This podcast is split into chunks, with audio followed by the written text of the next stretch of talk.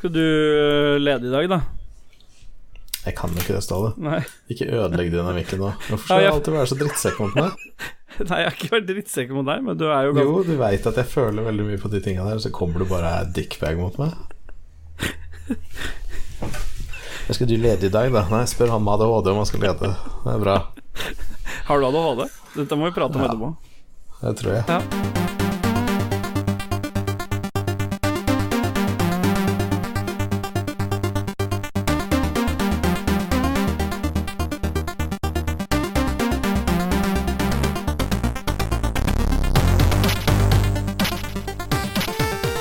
Hva slags intro har du klargjort for oss i dag, Ståle? Eh, I dag så tenkte jeg jeg skulle si eh, hjertelig velkommen til nok en episode av Ragequit. Denne Hvilken dag er vi i dag, egentlig? Den 22. mai, er det? 22. mai, ja. For den her var jo spilt inn før vi egentlig begynte med de andre episodene vi har gitt ut. Så i forhold til våre kalkulasjoner så er dette episode tre. Ja. Men det som vi er best på, Dag Thomas, det er jo å introdusere og, og starte en, en god Lage en god intro, og så starte en eh, Å starte en god podkast med å introdusere de andre deltakerne i podkasten. Der er vi gode.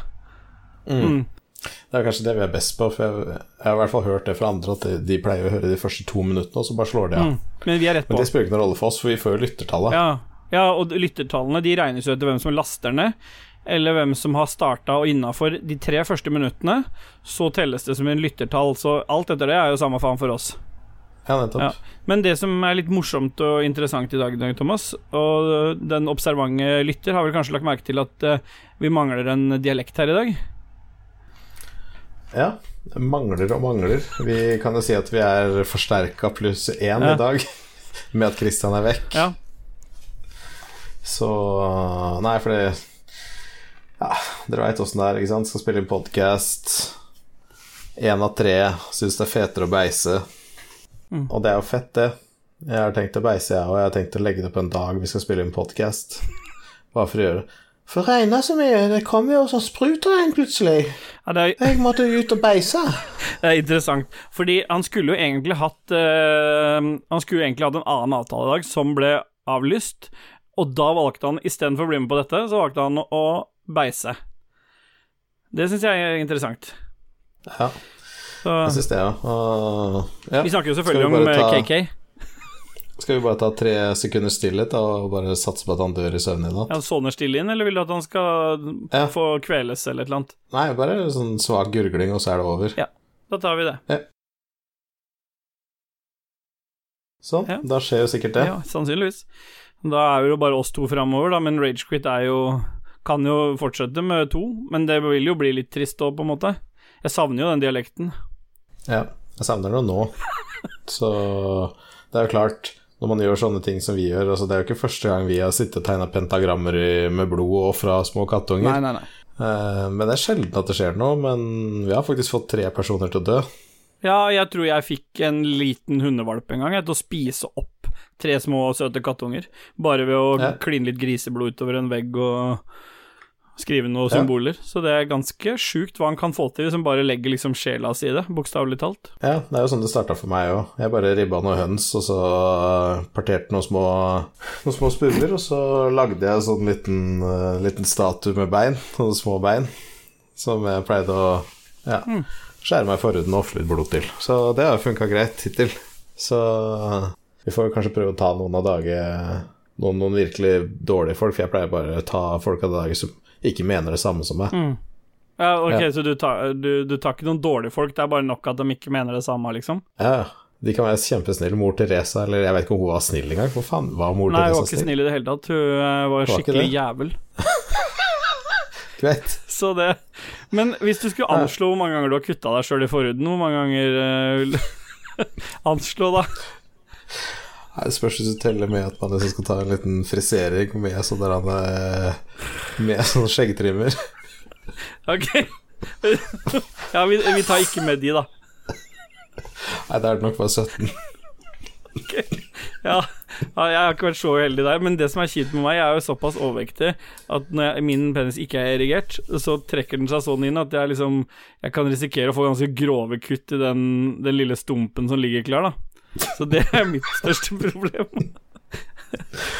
Du bruker egentlig bare ostehøvel på oversida. Mm, drar av. Mm. Det og sånn derre Det er nice. Sånn liten sånn rasp du tar til uh, osten på pastaen, vet du. Åh, ja, sånn liten en, Ja, så- Sånn liten microplane. Ja. Men du, vi, vi må nesten gå videre, det, uansett hvor interessant dette er, for det er jo ganske interessant å prate om. Men uh, vi har jo gjort noe siden sist også, har vi ikke det? Jo, vi har gjort noe. Ja. Har du en morsom historie? Nei, egentlig ikke. Så, så bra. det er liksom sånn Det går i ganske boring dager. Jeg sitter og jobber hele dagen, og så jobber jeg hele kvelden. Okay. Og når jeg ikke gjør det, men, men det er i hvert fall det at vi, vi fikk jo planta en hel haug med tujaer. Vi planta 255 tujaer i sameie, og jeg fikk 60 stykker av dem. Mm. De har jeg gått rundt og vanna to ganger om dagen. Ja, for du vanner de andres tujahekker også? Du planta Nei. dem? Nei, ok. Nei, mine, men jeg, får, jeg fikk områdehekken siden jeg er Ja. endeboligen, så jeg må ta og vanne dritmange. Ja, ja, Jeg må vanne 60 stykk. Og når du skal vanne hver av dem i 30 sekunder, ja, ja, sant det. to ganger om dagen, så er det jo liksom, å gå over en time med vanning. Mm. Så da har jeg gjort det siden vet faen, jeg er slutten av april. Og så begynte jeg å bli lei, så jeg bare fuck it, så stakk jeg og kjøpte 60 meter med svetteslange oppå Biltema. Oh, nice. Kobla sammen, twista alt, la det opp, sant, og så bare satte jeg på. Ja. Ja, da, da pipla det jo litt ut de første 25 meterne, og så bare døde alt ut. Det rakk jo ikke bort, for alt pipla ut før det, så jeg bare helvete. Prøvde jeg masse forskjellig, og ingenting funka, så dro jeg opp. Så kjøpte jeg en sånn fordeler. Ja. Eh, og så kjøpte jeg nye sånn endestykker, da, så jeg delte den kabelen da etter 30 meter. Og så lagde jeg to strømmer ut fra uttaket, og tok det ene fra motsatt vei. Og så er det masse kabler som bare ligger over hele hagen. Jeg bare ser ut som det hele virvaret. Det funka ikke det heller, for da hadde jeg for lite trykk. Så jeg måtte kjøpe en sånn nøkkel til den trykkregulatoren inne i boden. Så jeg har nå bare pumpa opp til 6,5 bar. Jeg vet ikke om det er sunt eller ikke for øra, ja. men jeg har i hvert fall pumpa det opp. Fast forward. Alt funker som faen. Jeg var dritfornøyd. Så tok det sånn ca. sju sekunder, og så regna det helt fram til i stad. Men da, da Det er maks Da har du Det er maks forberedelse. Ja.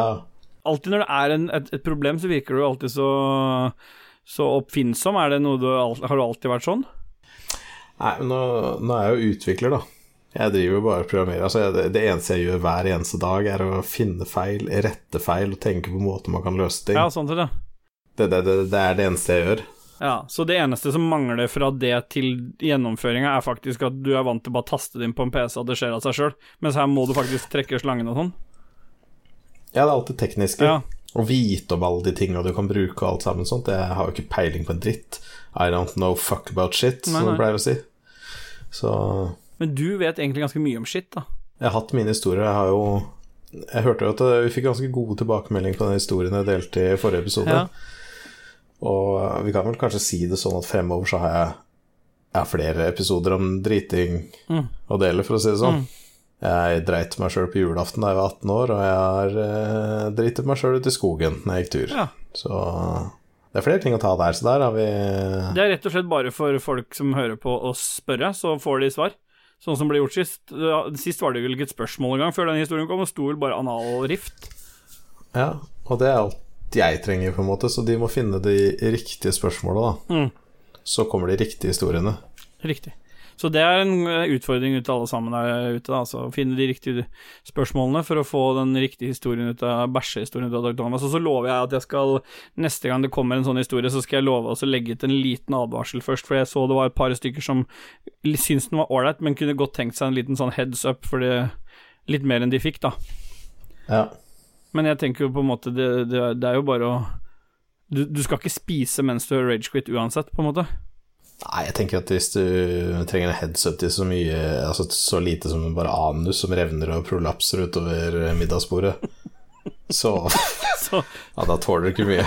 Nei, det er sant, det. Jeg har, jeg har eh, Hvis du eh, Nei, du har litt mer, du. Eller hadde du ikke noe mer du skulle om? Ja, nei, jeg Du hadde bursdag da, Ja, siden sist. Det kan vi ta først. Jeg hadde, jeg hadde bursdag, og så Det er, det er en veldig kort historie, det òg. Jeg hadde liksom Fuck, hvorfor leker jeg med den? Lager så jævlig mye lyd. Nå må vi bare legge ned den. La du merke til nå at jeg slapp deg til mye mer nå enn jeg gjorde i forrige episode, så jeg lærer hele tiden NOS at nå Jeg syns det er hyggelig. Jo, mer enn to minutter Jeg skal synes det er hyggelig, jeg setter pris på det. Uh, nei, for jeg hadde jo bursdag Når faen var det? Nei, du, På søndag? Ja, du måtte klikke deg fram til det. Ja. Da ble jeg 39. Jeg hadde egentlig tenkt å liksom ha en sånn liten sånn get together med noen venner og bekjente, og så så jeg på værmeldinga at det bare skulle være regn hele tida, og da tenkte jeg nei, for faen, jeg slipper ikke folk inn i huset mitt i de covid-tiden der. Mm, Nei. Så Janine hadde kjøpt en sånn gigantisk kake til meg til 600 spenn. En sånn svær sjokolade, sjokoladefromasj, for det heter jo ikke sjokolademos her i, i Sarpsborg. Her er det fromasj. Det er litt morsomt at uh, den gjengen med, med mest rølpete uh, dagligdagstale skal være så fine på det. Mm. Så, så jeg inviterte jo han Espen Bråtnes, da, som revna hæren sin. Ja. Eh, så han kom og spiste litt kake, og så spiste han navnlig kake, og så Det var egentlig det som var feiringa. Men jeg fikk en jævlig fin sånn svær potte med syrin da, Ja. av eh, Espen og dama, så det, det satte jeg pris på. Ja. For jeg har vel gått og babla om syriner nå i flere måneder, for jeg bare syns det lukter så jævlig digg. Så jeg hadde tenkt å liksom bare gå og stjele noen syriner eh, bort noen kommunale steder. Jeg har uh, siden en sist uh, vært på uh, ølfestival, jeg, av alle ting. Ja. Ølfestival. Ja. Nå skal jeg Du tok bilde, det var én fyr. Nå skal jeg fortelle, for dette er litt morsomt. Jeg har en kollega, en kompis, som eh, litt sånn spontant ringte oss. øh, han det er Askim ølklubb som arrangerer årlig ølfestival. Poenget er at det eneste året jeg Dette er min flaks i nøtteskall. Det er det eneste Det første året jeg blir invitert med på en ordentlig ølfestival, det er det året det ikke er lov til å ha, arrangere ølfestival.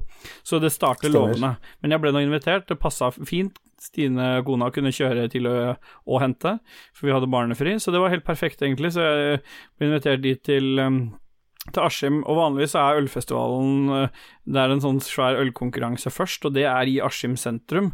Nå hadde ikke jeg noe inntrykk av at det var så stort i Askim sentrum, men det pleier å være en 1500 mennesker. Men det er jo ikke lov til å samle så mange nå, så de vil allikevel holde det. Så det de, de gjorde da, de putta det til i en bakgård på en Rema 1000-sjappe der de har klubbhuset sitt.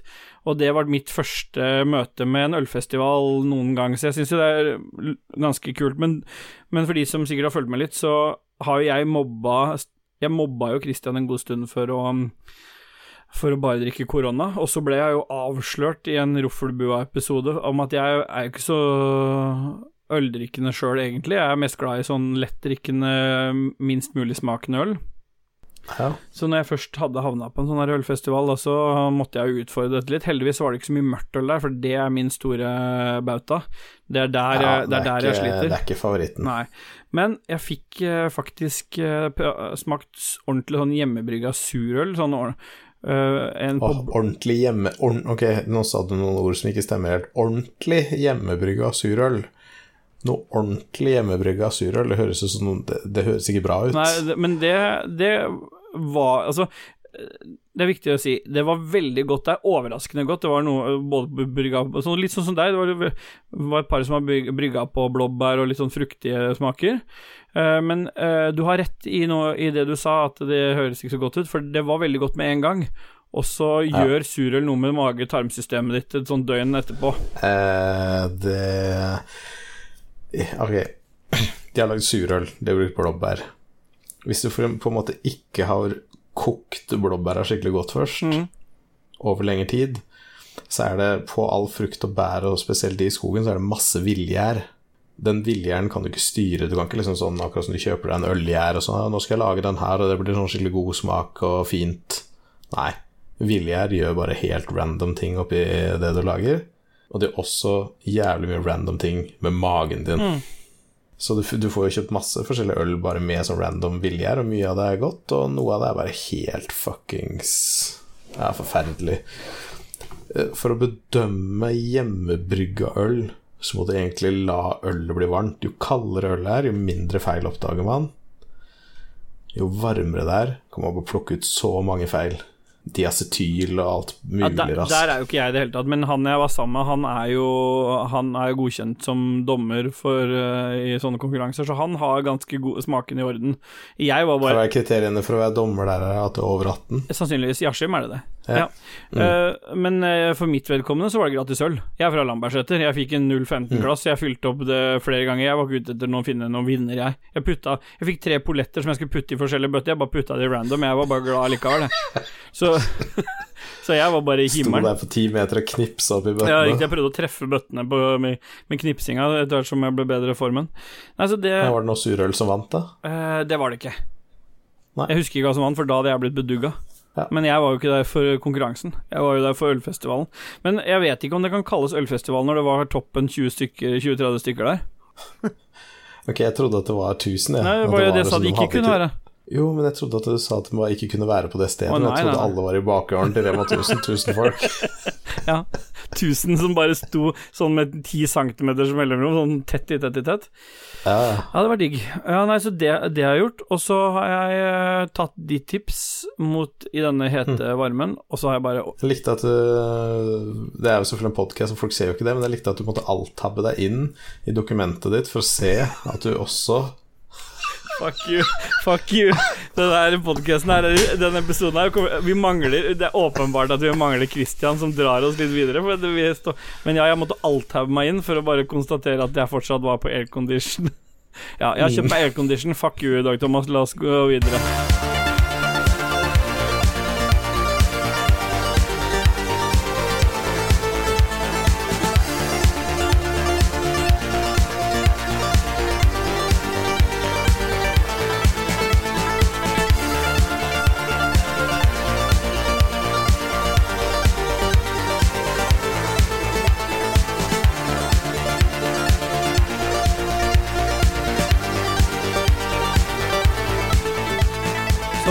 Alt-tabba jeg meg rett tilbake igjen eh, i eh, neste del av denne podcasten. Litt sånn roligere, mer eh, skarrefri podkast.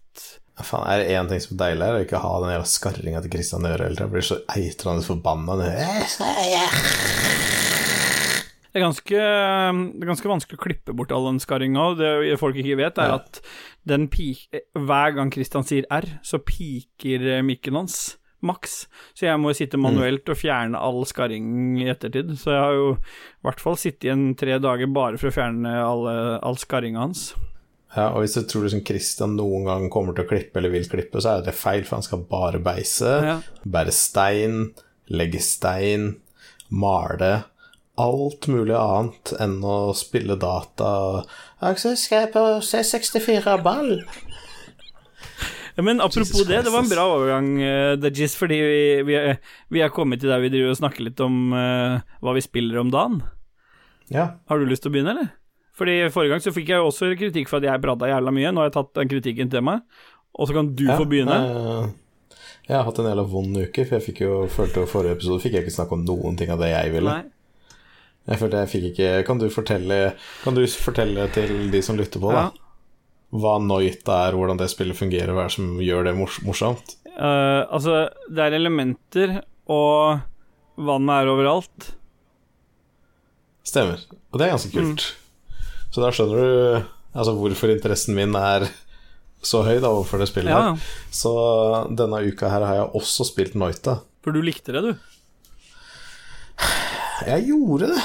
Altså, nå, nå skal jeg Jeg kan sjekke Jeg kan sjekke Steam, da. Eh, det er ikke sånn Denne uka her har jeg også spilt Noita, og tenker folk ah, fy faen, hva er fett, altså. Nå har han sikkert 70 timer. Nei, jeg har 7 timer i det totalt.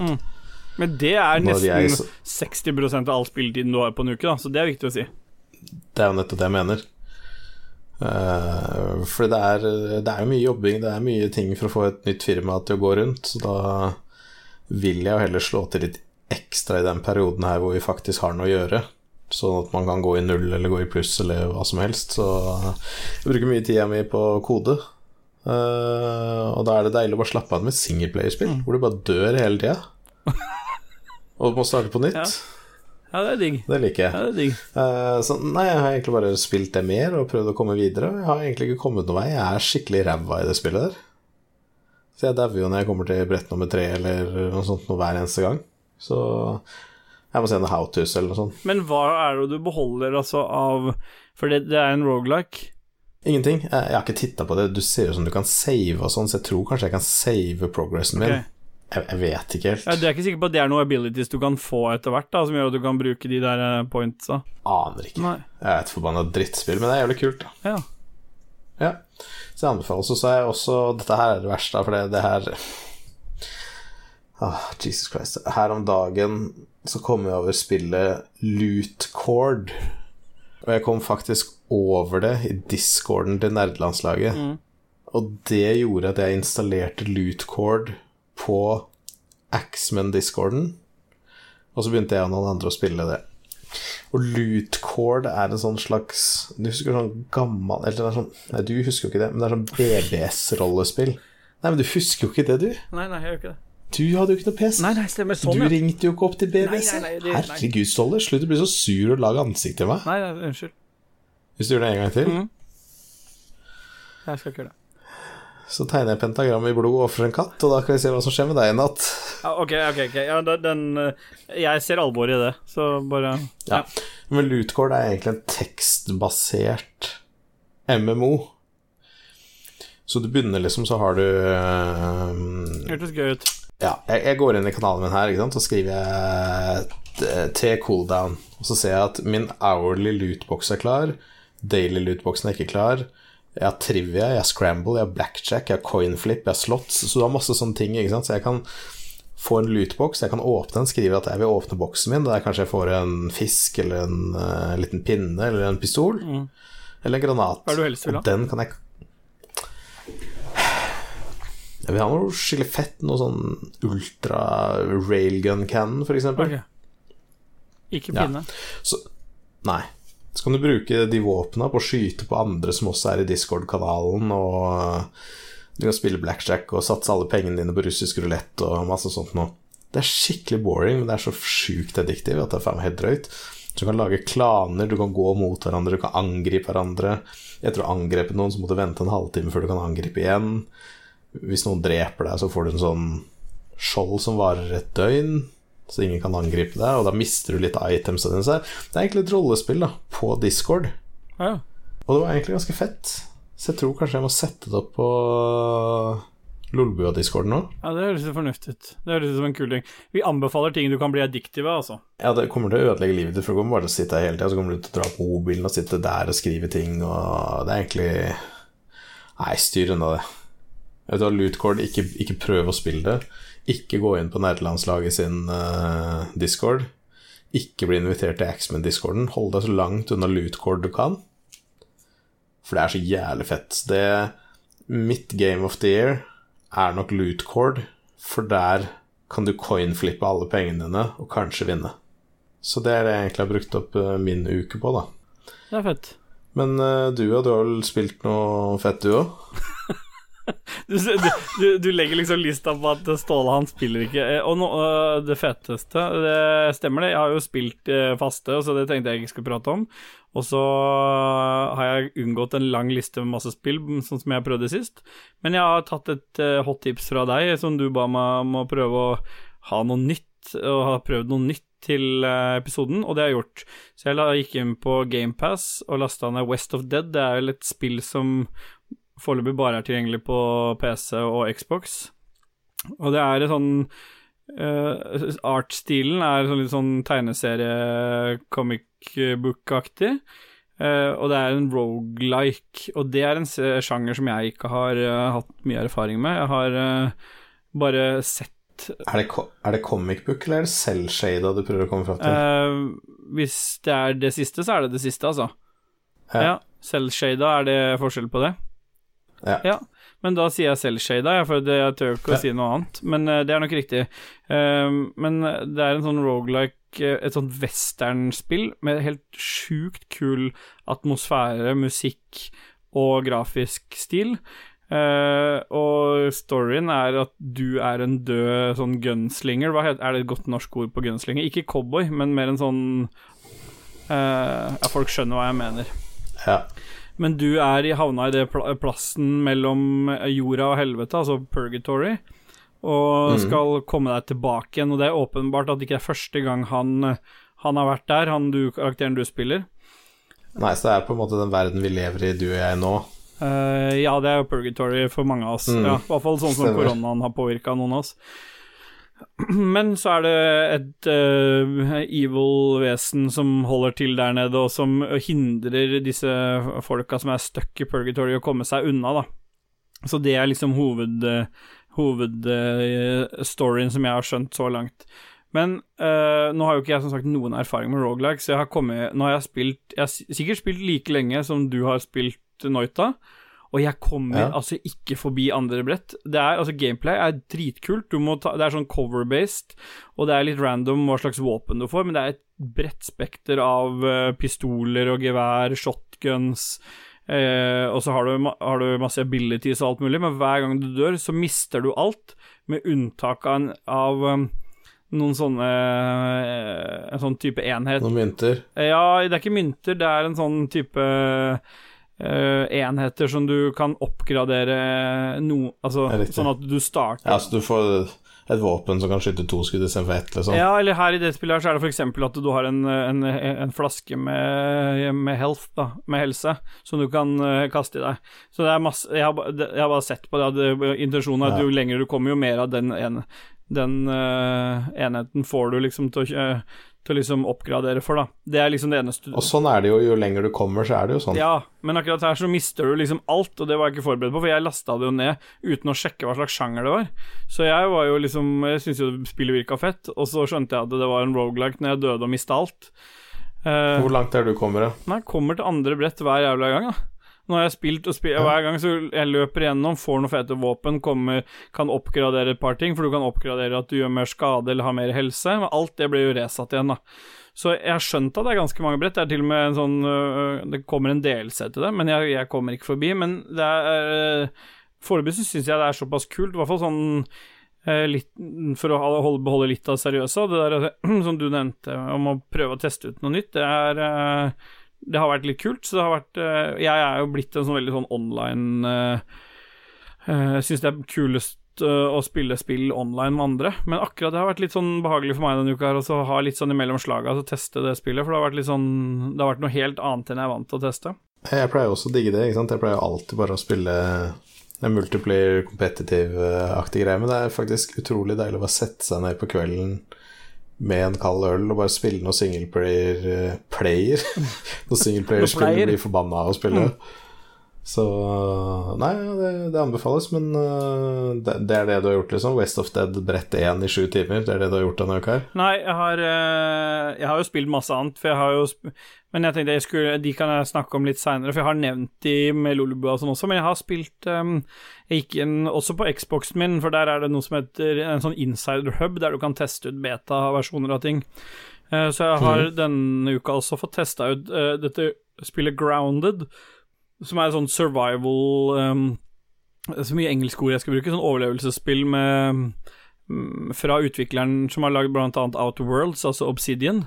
De, det ble jo annonsert her tidligere i, i år, eller var det så langt som E3 i fjor, det husker jeg ikke helt, men eh, Men eh, det var skikkelig dårlig, det lille jeg fikk testa. For det første var de ikke For, for det første så hadde de ikke tillatt uh, online-spill, og så var eh, betaen eller den uh, alfatesten du fikk lov til å være med på, den var, var i 30 minutter, så den var tidsinnstilt, så etter 30 minutter så bare kutta den. Ja, Uh, ja, det er fett. ja, det er skikkelig kult. Og så Det er begrensa hvor Altså, det var veldig sånn basal uh, overle overlevelse. Sånn mange av disse her, sånn som du har jo sikkert spilt det derre um, uh, Det som Jon Cato også spilte på den øya, det derre Scum.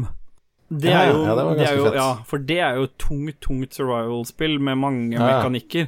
Mens her er det på en måte vann og mat, ikke sant. Så noen ganger så kan du gjøre det for enkelt den andre veien, og så er det eh, blir du plassert ut litt à la For de som ikke har fått det med seg, så er det det spillet som ligner litt på den filmen 'Hjelp, vi er krympet', eller hva den het på norsk. Hjelp, jeg krympet Ja, den, det er det som er, det er, det som er prinsippet. Så du bare spåner inn som en eller annen kid i en hage på mindre enn en, sommer, mindre enn en eh, sommerfugl, holdt jeg på å si. Mindre enn, det er det i hvert fall, men mindre enn en marihøne.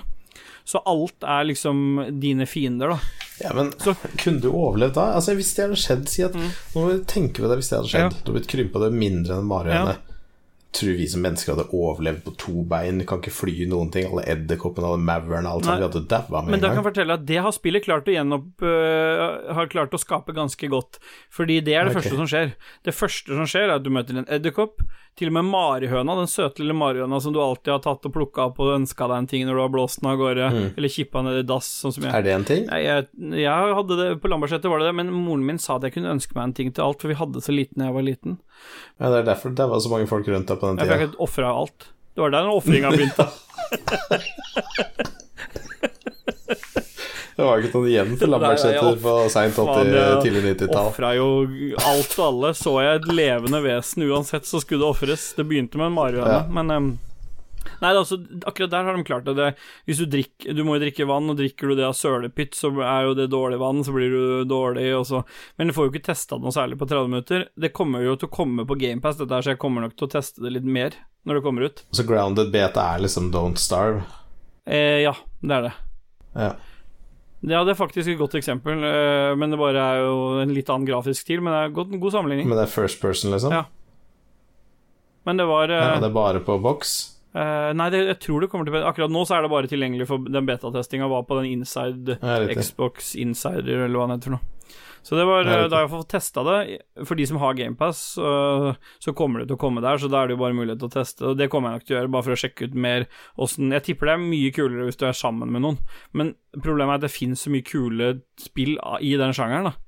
Ja, for det, det jeg har lyst til, er å bare kutte masse gress og lage meg en liten hytte av det. Hvis du hadde gått ut i hagen din og sett altså en bitte liten hytte av gress der, da hadde du bare tråkka Ja, på den Ja, altså, da hadde du vært død, og da er det jo game over, da. Ja. Så det er urealistisk drittspill, og det er jo ikke å anbefale til noen. Nei. Nei.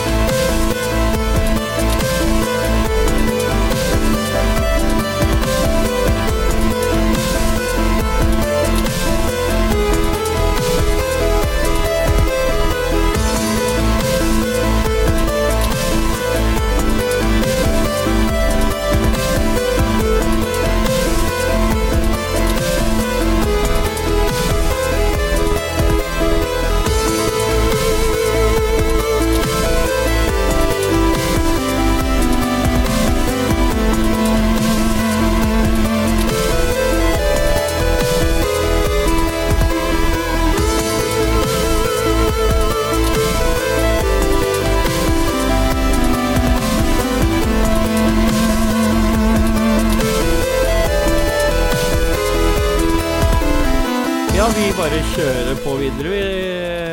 Dudgies. Ja, kjøttfreserne kaller de oss, De gjør det. så vi moser bare på, vi. Jeg har hørt, til og med hørt rykter om at uh, kjøttet går.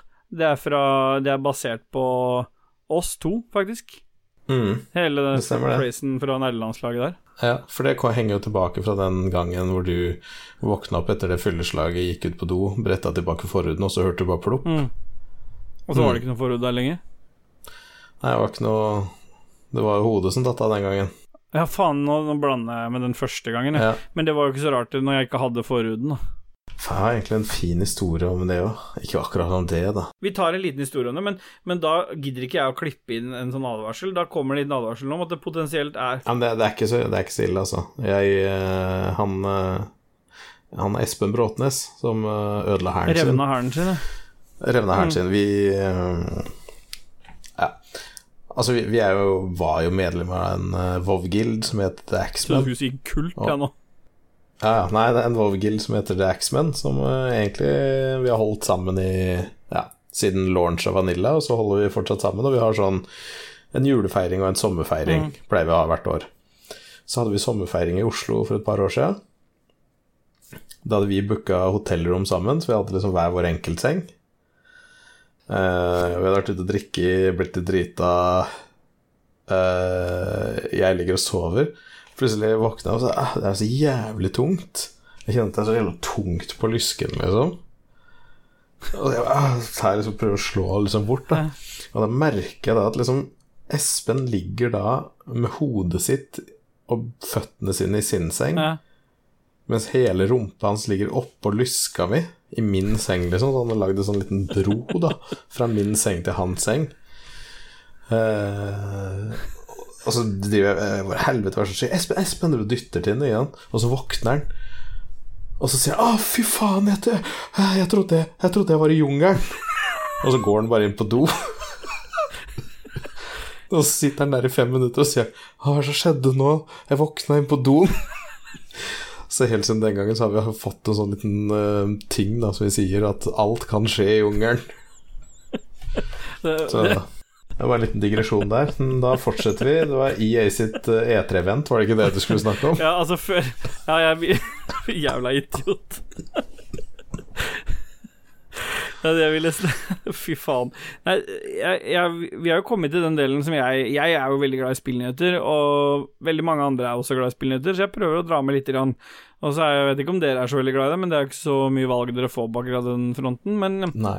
Jeg har tatt med noe av det viktigste som har skjedd siden sist, og det er blant annet at E3, faktisk, EA har hatt uh, sitt E3-event, og da i anførselstegn, fordi de, de har jo ikke noe E3 i år, men de hadde Nei. et lite sånn show som de normalt sett kanskje ville hatt på E3, da, der blant annet viste fram en del uh, ikke så interessante sportsspill, og så viste de uh, da mer av, som vi snakka om sist, Star Wars Squadron, og noe gameplay til Star Wars Squadron. Men det kuleste de viste fram for veldig mange, og det vet jeg er for veldig mange, det er Skate 4. At de annonserte at Skate 4 endelig er på vei. For det har vært et sånt spill som har vært etterspurt i mange år, fordi Skate 3 på en måte tok tronen litt fra Tony Hawk, da de ikke har levert et godt spill på mange år. Um. Så Skate 4 vet jeg er et spill som har vært ønska lenge, og som har vært håpa på hver gang EA skal ha en eller annen event. Uh, mm. Jeg savna kanskje litt mer uh, om Anthem. Det drukna litt, men eh, det kommer nok sikkert. Ja, jeg vil jo tro det, for uh, folk tror jo Anthem er et dårlig spill, men det er egentlig ganske bra, og det kan vi kanskje prøve å snakke litt om etterpå. Ja, fordi apropos det, så kommer det til å Så skal vi ha en ny liten testspalte denne episoden, så det kommer vi tilbake igjen til uh, Jizz. Mm. Uh, men så du den EA-eventen, du, eller? nei. nei. Jeg kan ikke si at jeg gjorde det. Er du noen Skate 4-entusiast? Nei. Nei. Jeg er mer en Tony Hawks-fyr, jeg. Du, du, slår meg som en Tony Hawk kind of guy. Ja, skate blir sånn litt for realistisk for meg. Jeg liker å hoppe på høner og Jeg vet ikke hva han gjør det, Tony Hawk. På feis, jeg òg. Alt går til helvete akkurat det. Ja, du revna faktisk.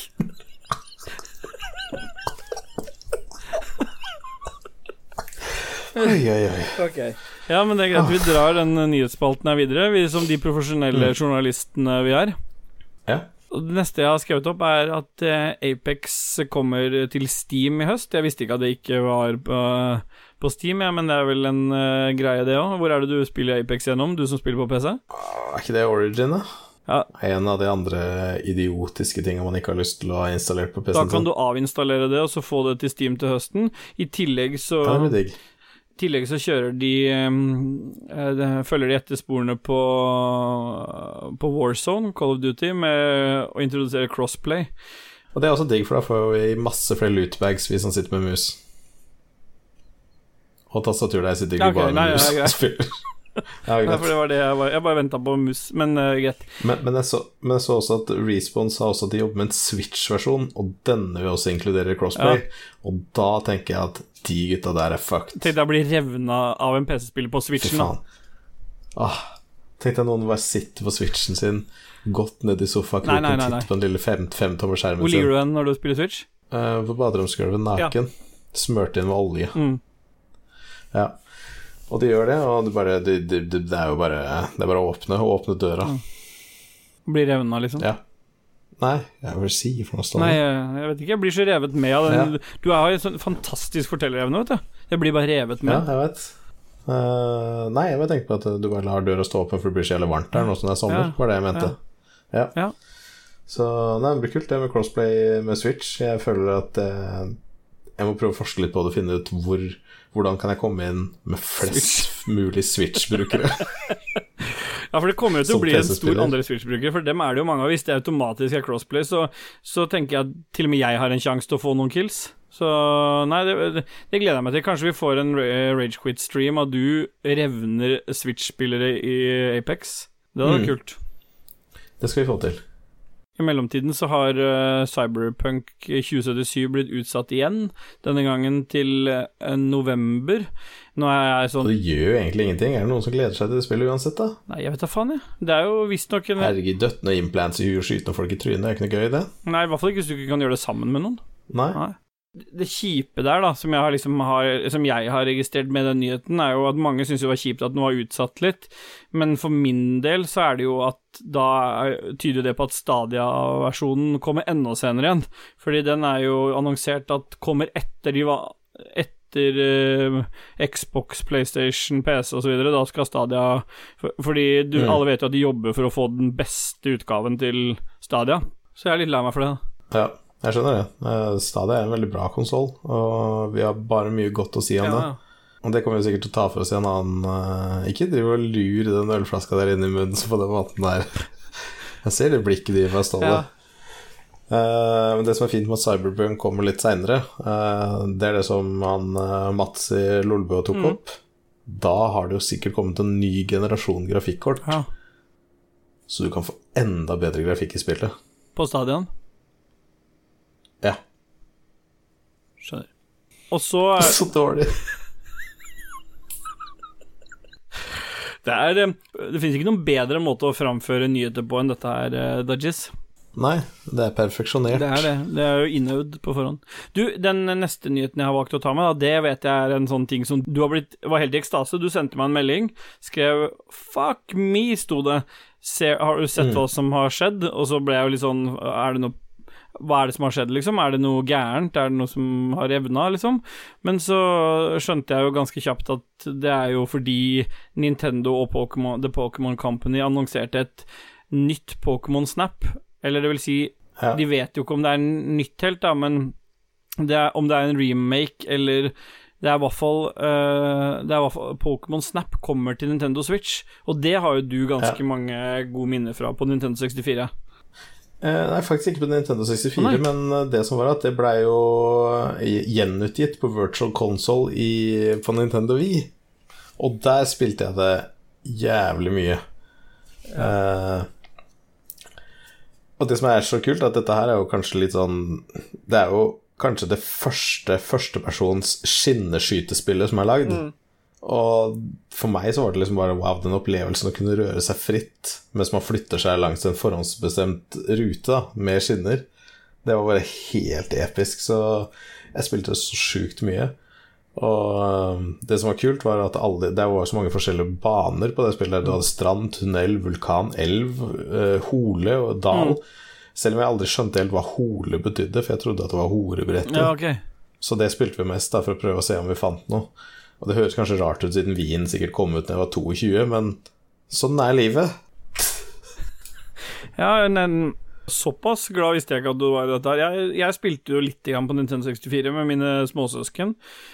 Syns det var ganske kjedelig, egentlig. Altså, jeg visste ikke at du var så glad i det, men det er det derre Er det det Du er kanskje ikke så glad i førstepersons skinneskytespill, da, sånn som Nei, jeg er. men er det det at Er det det det er jo, Jeg skjønner jo at det, det, er et spill for deg. Det er både fotografi og det å fange et Å få det beste um, Få det beste bildet av en Pokémon må jo være en fantastisk For meg så er det bare altså, de nye rutene, de nye Pokémonene, eller muligheten til å få en høg score. Ja. Mm. ja. Det er i hvert fall det som trigger det for meg. Og det er masse hjelpemidler du kan bruke for å få bedre bilder. Og det er ikke, altså Etter hvert så unlocker du så mye. Hva er høyeste scoren du har fått, da? 97. Ok. ok. Er det bra sko... Jeg feis igjen. Ok. Ja. Ja. Nei, men jeg ser jo at du har Men da vet du i hvert fall det. Det er litt usikkert når den kommer, men den kommer, som jeg pleier å si. Mm. Og så til slutt, i den, eh, den spillnyhetsspalten, så har jeg tenkt jeg skulle Nå, dette har jeg forberedt meg godt, for her er det kommet mye. Det er kommet nytt eh, innhold til Sea of Thieves. Det er jo sånne Ståle, Ghost Ståle, Ståle. Ja. Chris, Christian er ikke her. Nei. Nei. Du veit hvordan Christian blir hvis vi snakker om Sea of Thieves Game of the Year når han ikke er her. Ja, han blir jo litt Så kan du være så snill å vente med den nyheten til neste uke.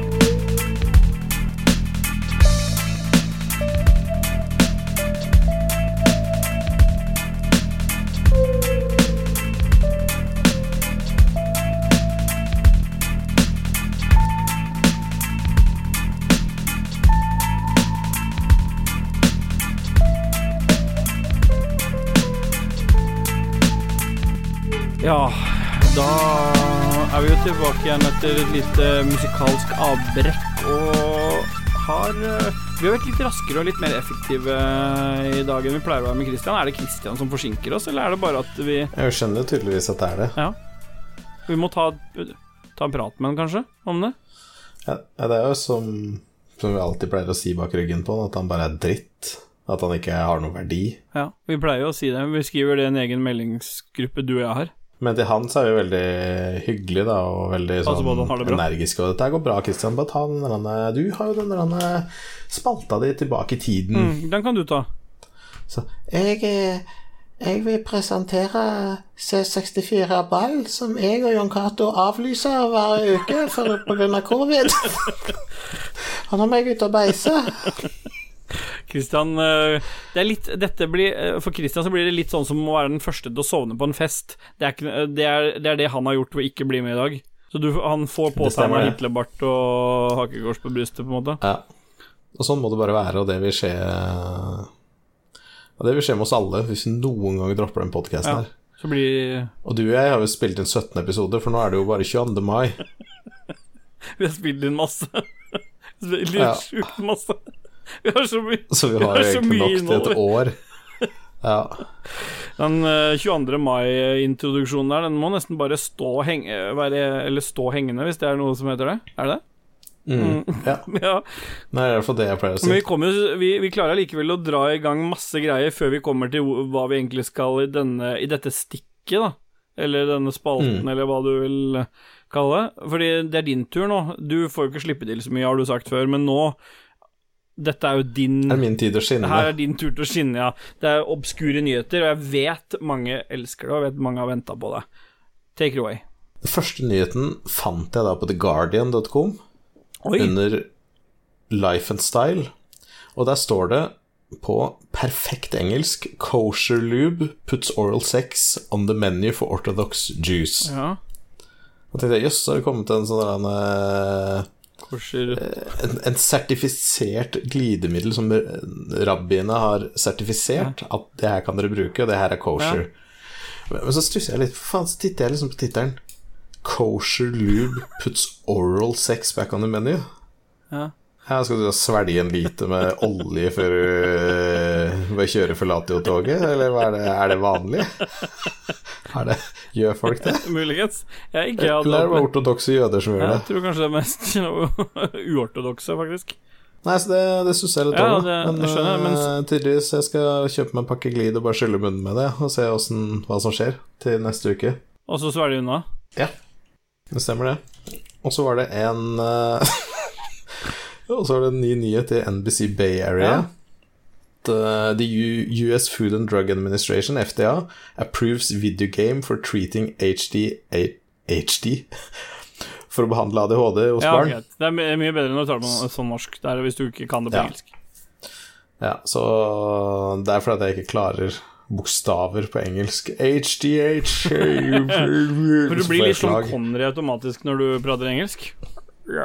Yes, the US Food and Drug Administration has for the first time approved a video game for treating attention deficit hyperactivity disorder in children. Så det er Stemmer det er et spill som er godkjent i USA for å For å behandle ADHD, er det det du prøver å si? Ja, det stemmer. Så det, det er gitt ut et spill for å behandle ADHD hos barn, og de er jo sjukt gira på De får jo sitte og spille dette spillet her i skoletida, så jeg skjønner jo at de er sjukt gira at ting går jævlig mye bedre på skolen. Hadde jeg fått sitte og spille data på skolen, så hadde det sikkert gått bedre for meg Ja, altså ADHD-kids er jo ikke mindre smarte folk, så de skjønner jo sitt eh, snitt å, til å si ja, ja, det hjelper så masse. Så jeg håper at de starter med dette her og ser at dette her går skikkelig bra. Og så innfører de de samme ADHD-kidsa, lar de spille Dota og eh, Valorant. Så blir det bra. Og så ser vi åssen det blir nedi bron bronze silver bracket, om det blir noe fest der. Jeg lar én gjeng som spiller Dota, og én som spiller Valorant, og så møter de hverandre. Ja, fett, Ja. det. Så um, den siste nyheten, da, det følte jeg var noe for deg. Da er jeg spent. For New York City Health, altså det organet som driver med helsa til New Yorkers, har kommet ut og sagt at vær så snill, Ja. ikke ha orger med hverandre, for det sprer så mye smitte. Du må slutte med orger i New York. Or orger må slutte for, men det, det de går i bresjen for, da, det de virkelig vil ha inn, Ja. liksom, det er Be creative with sexual positions and physical barriers like walls. Så de sier da de, de, de går god for glory holes. Så mer glory holes og mer sex på Zoom. Ja. Og da tenker jeg bare sånn ikke, ikke si det til folk. Tenk deg at bare et par år fra nå så kommer det til å være så sjukt mye Zoom-sexvideoer ute og går Det der. er homemade-kategorien til Christian. det. Ja, og det kommer ja, det kommer til å være høl i alle offentlige dasser i New York, så Ja, ikke bare dasser, men altså, ser du et høl i New York, så er det, kommer det ut til noen til å stappe den inn der. Ja, og for alle vet jo at du blir jo ikke smitta av covid gjennom dikken. Nei da, altså, så lenge du har en vegg imellom, så spiller det ingen rolle om du får se den i munnen. Nei, nettopp, for det er jo bare ansiktene som ikke må treffe hverandre. Ja, bare det kommer rett inn i munnen, så gjør det ikke noe. Nei. Har jeg fått med meg, da. Ja, for det er retningen og altså på en måte hvor horisontal spruten er. Og hastighet, eh, Og koronaen overlever ikke mer enn 45 km i timen. Etter det så blir den Nei. hengende igjen. Stemmer. Ja, For da går den bare som en ball som drypper av haka og ned på bakken igjen. Riktig. Så ruller den seg sammen, så blir den liggende der. Men da kan den støve opp igjen senere, da. Hvis noen eh, Mm. Når den har tørka inn der, så kan noen kaste, virvelen opp igjen. Stemmer Så det er jo det, er det som er det skumleste med disse glory. Det er jo at noen, hvis noen er litt sånn subbete av seg og ikke er flinke til å løfte beina ordentlig når de skal inn i et sånt glory Mm. hole-sted, så, så kan de virvle opp igjen gamle sædrester fra forrige mann. Eller alt sånn som jeg alltid pleier å gjøre når jeg er på offentlige toaletter, for de pleier jo ikke å ha så god ventilasjon. Nei. Så har jeg med sånn batteridreven vifte, Ja. sånn liten Ja. en, som jeg bare legger på gulvet rett, for, rett mellom beina mine, sånn at den bare spruter sånn deilig god vind på meg.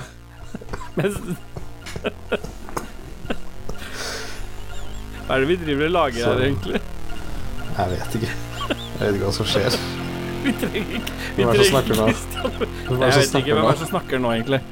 Jeg vet ikke, Vi trenger Christian, helt åpenbart.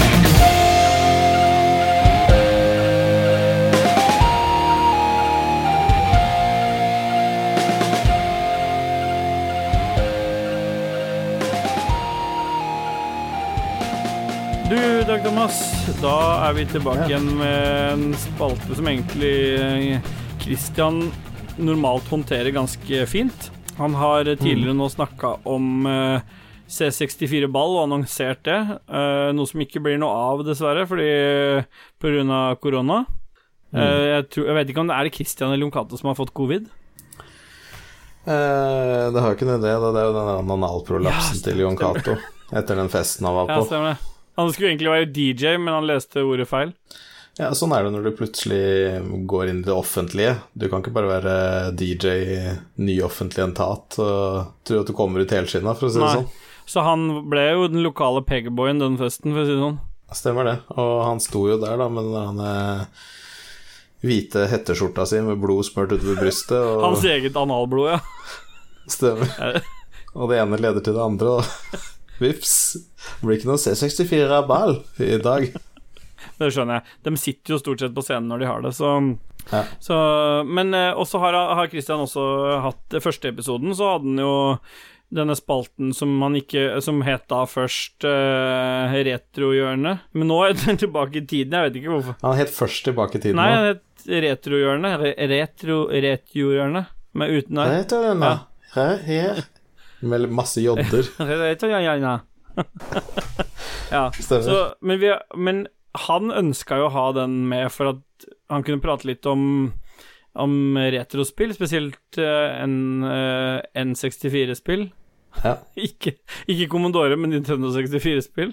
Ja, for det er jo det han digger mest. Han sier C64, men det er bare Ja. Nintendo 64-konsoll hjemme hos Christian. Ja, det er fordi det er så vanskelig å progge på Nintendo 64, så han vil bare progge på noe som heter 64 fordi han er så glad i Nintendo 64. Det er riktig. Og da føler jeg liksom sånn Fuck, ass, da vier du ganske hardt av livet ditt når du sitter og progger på en Commodore 64. Ja, det er bra. Hvor gammel er han nå? 48? Ja, han blir øh, 57 til neste år. Ja. Jeg husker da Christian var 67, jeg. Det var tider. Mm. For han husker du festen, festen der? Fett. Fett. Men du, vi, vi kan jo ikke bare sitte her og prate seriøst, fordi vi har um, siden Christian ikke har tatt uh, grep, og siden Jon Cato og Christian avlyste ball, så må jo noen i Lolbua Inc., og det er jo i dette tilfellet Ragequit, uh, ta ansvar. Og det har vi gjort. Så vi har gått 35 år tilbake, litt à la det de gjør i C64-ball. Og så har vi tatt for oss et spill Vi har ikke vært like nøyaktige, for vi har ikke datoer og sånn, men vi har tatt for oss et jævlig fett spill. Hvilket spill er det, Dajis? Det er jo Mission Impossible som ble utgitt i 1984 til Commodore 64. Og da var jeg tre år gammel på den tiden der, og jeg husker det spillet veldig godt. Eh, du var en heis. Det, det var det jeg huska godt. Ja. ja nei, altså, det, jeg husker det jo godt fordi jeg aldri eide noe, noe PC eller noe Commodore 64 eller noe som helst, og jeg ble jo født i 85. Um, Ja. Så Men det var vel musikken, egentlig, der som på en måte satt mest spor. Det var jo Det er jo en sånn plattformbasert eh, Der du må snike og ordne og hente ting. Har du fått med deg Ja. Husker du alt hva som var greia der, eller? Ja, det var noen sånne bokhyller og noen senger som du måtte søke i, og så fant du noen sokker og noe utstyr, og så lette du til den tingen du skulle ha. Var noe Var den basert på et Mission Impossible-film, eller? Var det liksom Mission Impossible uh, Var det filmen som ble basert på dette spillet, tror du? Um, Jeg tror jo Altså, poenget da var at det, det først ble utgitt Da het det Impossible Mission. Eh, så det var det det het da. Altså, det er liksom ikke Mission Impossible, det er Impossible Mission. Og det er masse roboter og andre ting, så det er bare noe helt annet. Ja, Så det har egentlig ingenting med Mission Impossible å gjøre. Nei, fordi Mission Impossible kommer jo ikke ut før mange år seinere. Er nesten 96. Okay. Så, men det er fett spill, det. Så jeg titta på noen videoer og tenkte at jøss, dette kunne jeg tenke meg å spille. Jeg ble jo litt sånn uh, intrigued når jeg så liksom at eh, Det er jo han eh, onde geniet professor Elvin at, Atombender som eh, er liksom skurken her, da. Ikke sant? Mm. Han tror han liksom kan fucke med planeten, da. Og så må du inn og Mm. så gjøre ting. Ja, og det er jo bladet Zap64 Ja. ranka jo Impossible Mission til andreplassen på lista si Ja. i 1985. Ja, men leserne ranka det til førsteplass Ok, i 1985. i 1985, ja. Og så Var det bare Commodore den kom ut til? Den ble gitt ut på Amstrad, den ble gitt ut til Atari, BBC Micro, ZX Spektrum, Master System, Apple 2, Oi, eh, Acorn Electron. kult. Så den kom på ganske mange steder, altså. Det, for det var et skikkelig solid spill. Ja. Eh, og det ble da utgitt i, i perioden 1984 til 1988, så fire år klarte de å tjene penger på den haugen av dritt som ble presentert i 1984. Ja, det er ikke gærent. Amstrad fikk det to Nei, år etter release. Da, hadde ikke du en Amstrad, forresten? Jeg hadde en Amstrad, jeg hadde ingen spill. Jeg hadde et uh, sjakkspill som mamma hadde koda. Alle jeg kjente hadde Commodore 64, de hadde alle fetespilla. Jeg satt der med Faen hadde jeg?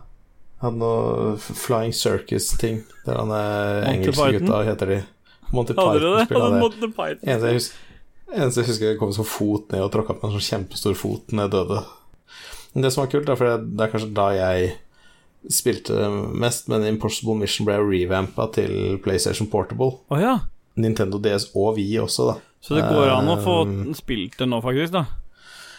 Ja, hvis du går Vi hadde en uh, release på det i 2008, tror jeg det var. Okay. Det var i hvert fall da jeg spilte en del uh, i den perioden der, for jeg liker jo å gå Det ble jo ikke akkurat da 35 år bak i tid, det ble jo 23 år, eller hva faen det er. For jeg liker å holde meg litt sånn 23 år bakover, da. Så ja, det anbefales uh, Impossible Mission til Vi, mars 2008. Anbefales på det sterkeste.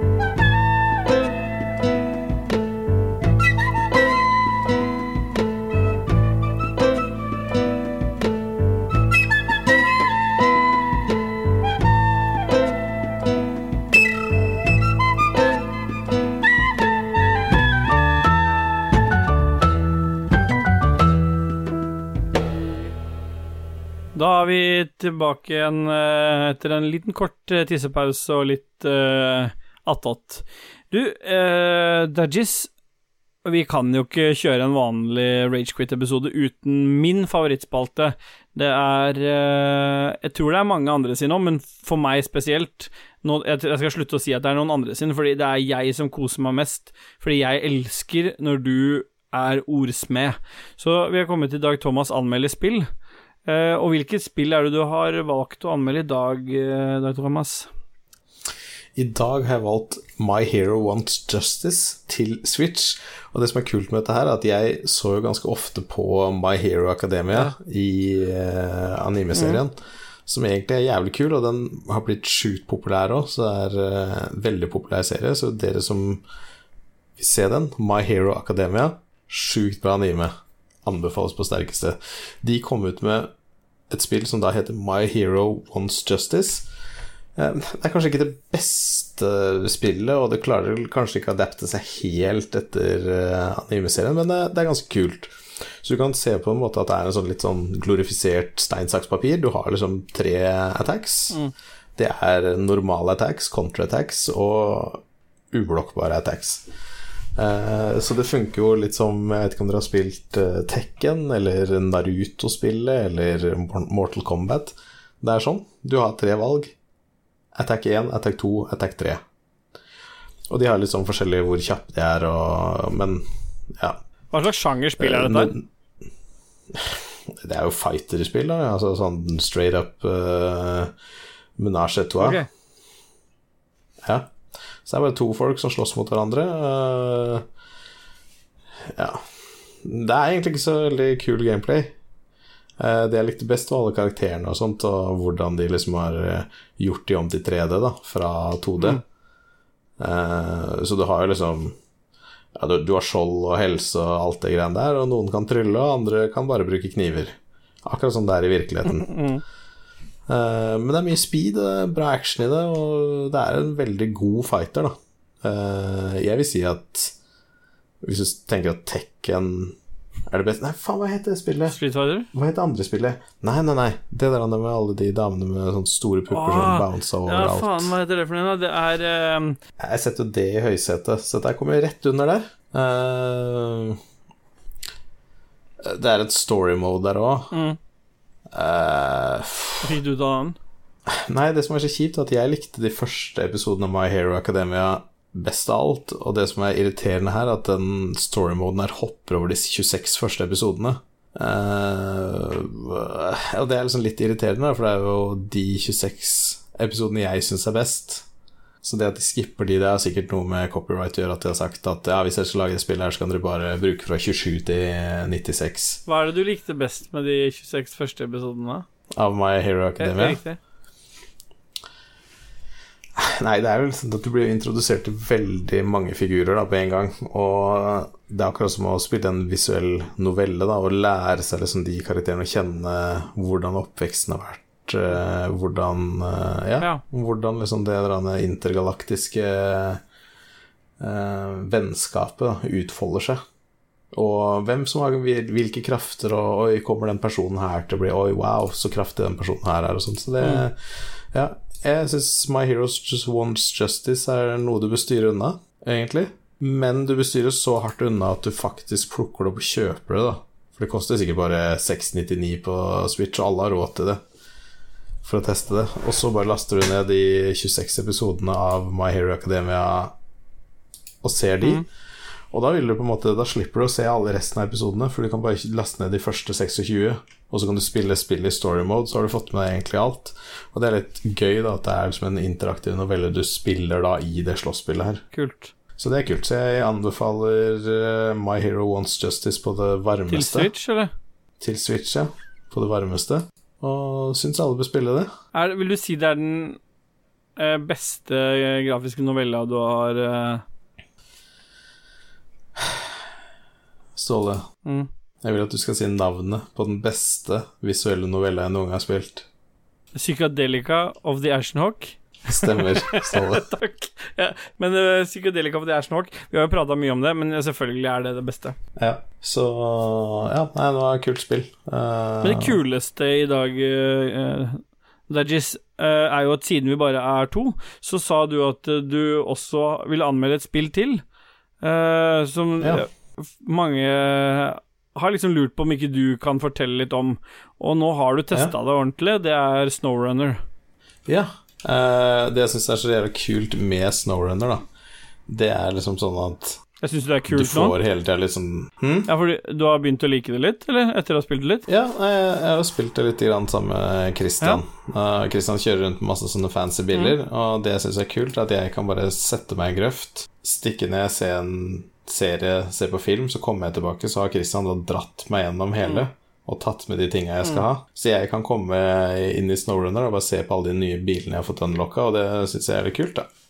Så jeg fikk eh, akkurat den nye Dacian, 4X4-en, og så jeg vet ikke, Christian skal dra meg gjennom noen løyper og sånt denne uka her òg, så jeg liker det. liksom Du logger inn på spillet og ser Wow, se på den fete bilen her, liksom. Den skal jeg upgrade.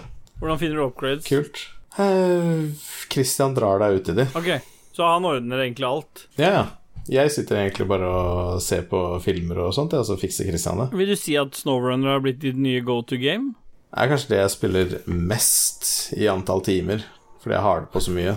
Christian drar deg rundt. Og det, det har jo styrka vennskapet mellom meg og Christian nå. Um, så jeg skal jo lære Christian å spille World of Warcraft, men vi tar det over telefonen, og så har jeg bare follow-up med mm. han. Og så leveler han en to-tre karakterer for meg, da.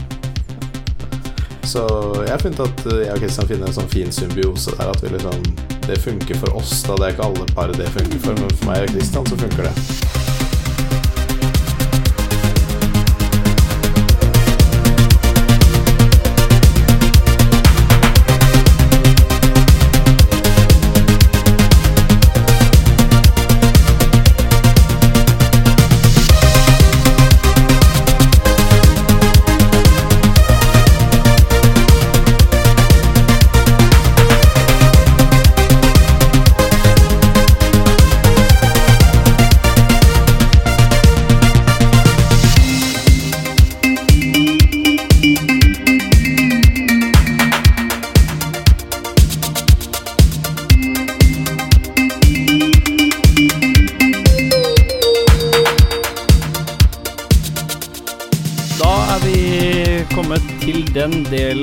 Av vår pod eminente podkast, vil jeg nesten kalle det, som, uh, tar for seg det neg mest negative vi kan gjøre i livet, og det er ting vi bør og skal styre unna. Og der har vi tatt på oss en sånn rolle der vi der vi vil advare folk mer enn vi vil anbefale de ting, og det har vi, dette har vi jo nevnt før, men, men her, denne her vokser på folk, for her det er mye bedre for folk å vite hva de skal styre unna, enn å gi de anbefalinger, for du kan alltid finne ting som er positivt i livet, men du, det beste du kan gjøre, er jo å styre unna ting som bare vil gjøre deg vondt. Og um, du har jo den perfekte tingen til å starte med her i dag, uh, Dajis. Ja. Uh, jeg spiser jo en del kylling, for jeg syns kylling er godt. Mm. Jeg syns svin er ganske godt, men jeg er ikke så glad i okse- og kukjøtt. Nei. Av en eller annen grunn, så jeg spiser jo en del kylling. Uh, og jeg pleier å kjøpe kyllingen min på Rema 1000, der er det sikkert Prior eller et eller annet sånt noe. Og de siste månedene så har jeg fått veldig kick på lårfilm. Oh, fuck. Oh, oh. har du kick på hva for noe, sa du? Jeg mista, jeg mista noe på tåa. Men jeg har i hvert fall fått kick på lårfilet av kylling. Utbeina. uh, fordi det er, det er, mer smak i det, det er mer fett i det. Det er liksom bare Ja, det er et jævla bra kjøttstykke, da. Mm. Men jeg pleide å kjøpe det på Rema 1000. Uh, eh, jeg var ikke innom Rema 1000, jeg stakk innom Meny. Og da dro jeg med meg en kyllinggården. Kyllinglår. Mm. Overlårstykker. Overlår? Altså, det er ikke vanlig kyllinglår det vi snakker om her nå? Overlords. Overlords. Stemmer. Det er uh, på en måte Ku Klux Klan-klanen av høns. Okay. Som du spiser. Så du tar på den en hette og tenner på den etterpå? Stemmer. Ja. Så det som var, da Vi skulle lage oss noe sitronkylling. Og det er egentlig så lett som det er bare sitron, kylling og Parmigiano reggiano parmesan. Mm. Pasta. Eh, litt brokkoli, litt spinat. Åh, digg sammen. Ikke sant? Åh, helt enkelt. Sitron og kylling. Smaker superdigg. Åpner jeg den jævla posen der, og det bare stinker for meg lik, puss og død. Absess? Hele underetasjen. Ja, altså, akkurat som du bare har tatt en syst og bare stikker tusen hull på den. Med sånne små hull. Stikke, stikke, stikke, stikke, små hull. Ja.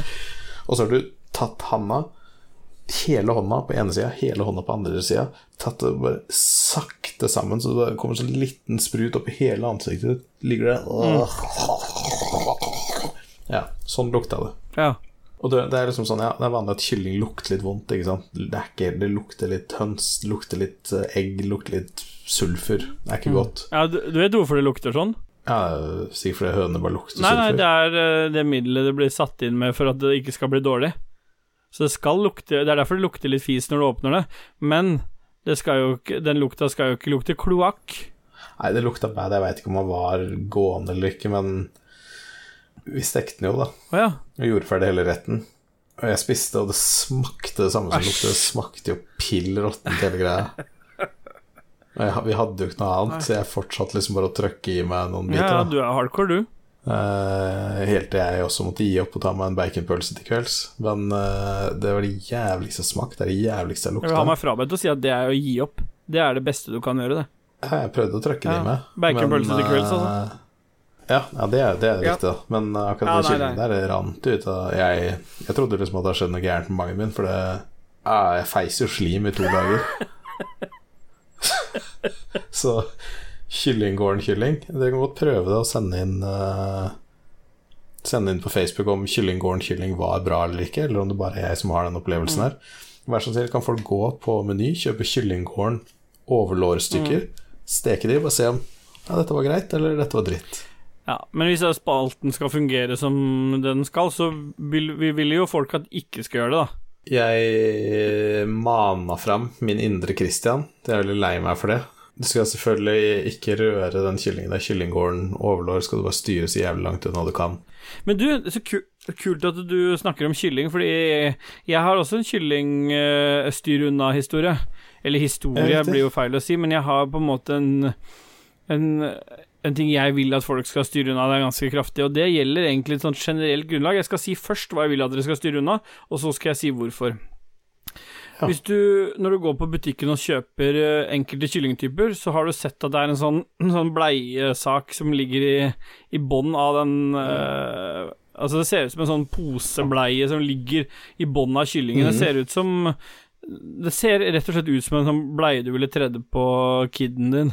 Så ligger kyllingen da oppå denne, og ofte så er den løs. Noen ganger så er den festa med en sånn dobbeltsidig teip. Ja. For min del, første gang jeg så det i en kyllingpakke Jeg er jo ikke vant til å kjøpe så mye sånn. Ofte så er jo maten blitt laget til meg, men når jeg først kjøpte kylling og skulle lage til kona her eh, i forrige uke, så kjøpte jeg en sånn pakke fra Prior, og den hadde den der kyllingbleia, som jeg vil kalle det, da, liggende i bånn av den. Men den var jo helt løs, så da antok jeg at det var noen form for marinadeopplegg som, kunne, som skulle være med, eh, med på grillen, da. Riktig. Jeg antok i hvert fall det, fordi ofte er det sånn hvis du kjøper spare ribs, for eksempel, da, så ligger det jo en pose med noe marinadesaus og krydder ja. og sånn som du kan ha ved siden av. Og hvis du kjøper Fjordland, eh, mange av Fjordlandene, så skal du bare stikke noen få hull i det, men du skal ha med alt som er i pakka. Når jeg river av plastemballasjen på et produkt, så er det det som er inni, det er det jeg har kjøpt. Åpenbart så har ikke produsenten tenkt det, da. Derfor vil jeg eh, helst at du styrer unna egentlig all kylling som har sånn bleiepose i bånn av kjøttet, fordi det er jo noe forbanna oppskudd drit. For det som skjer med den greia, det er jo at Det har jeg lært nå i etterkant, at det er jo noe sånn plastikkgreie som skal også være med på å holde kyllingen frisk og fin, men når du griller det på kyllingen, så er det ikke noe god marinade som setter seg inn. Nei. Nei. Så det, det smelta jo som en sånn Du vet hvis du tar eh, Hvis du liksom rasper ost og har på en ting, som sånn gra, gratinert ost, sånn Mm. la det seg. Men bare men, men med en sånn blå røyk opp fra grillen, da, ikke sant. Jeg, jeg så jo ikke, fulgte jo ikke med heller, så jeg sto jo inne på kjøkkenet. Men Stine som sa det ryker blått fra grillen, og så sier jeg ja, men det er sikkert, for vi har akkurat kjøpt oss ny grill også, så det var, jeg tenkte det var helt naturlig at det var litt sånn emaljen i den der lokket eller et eller annet som røyk Mm. litt.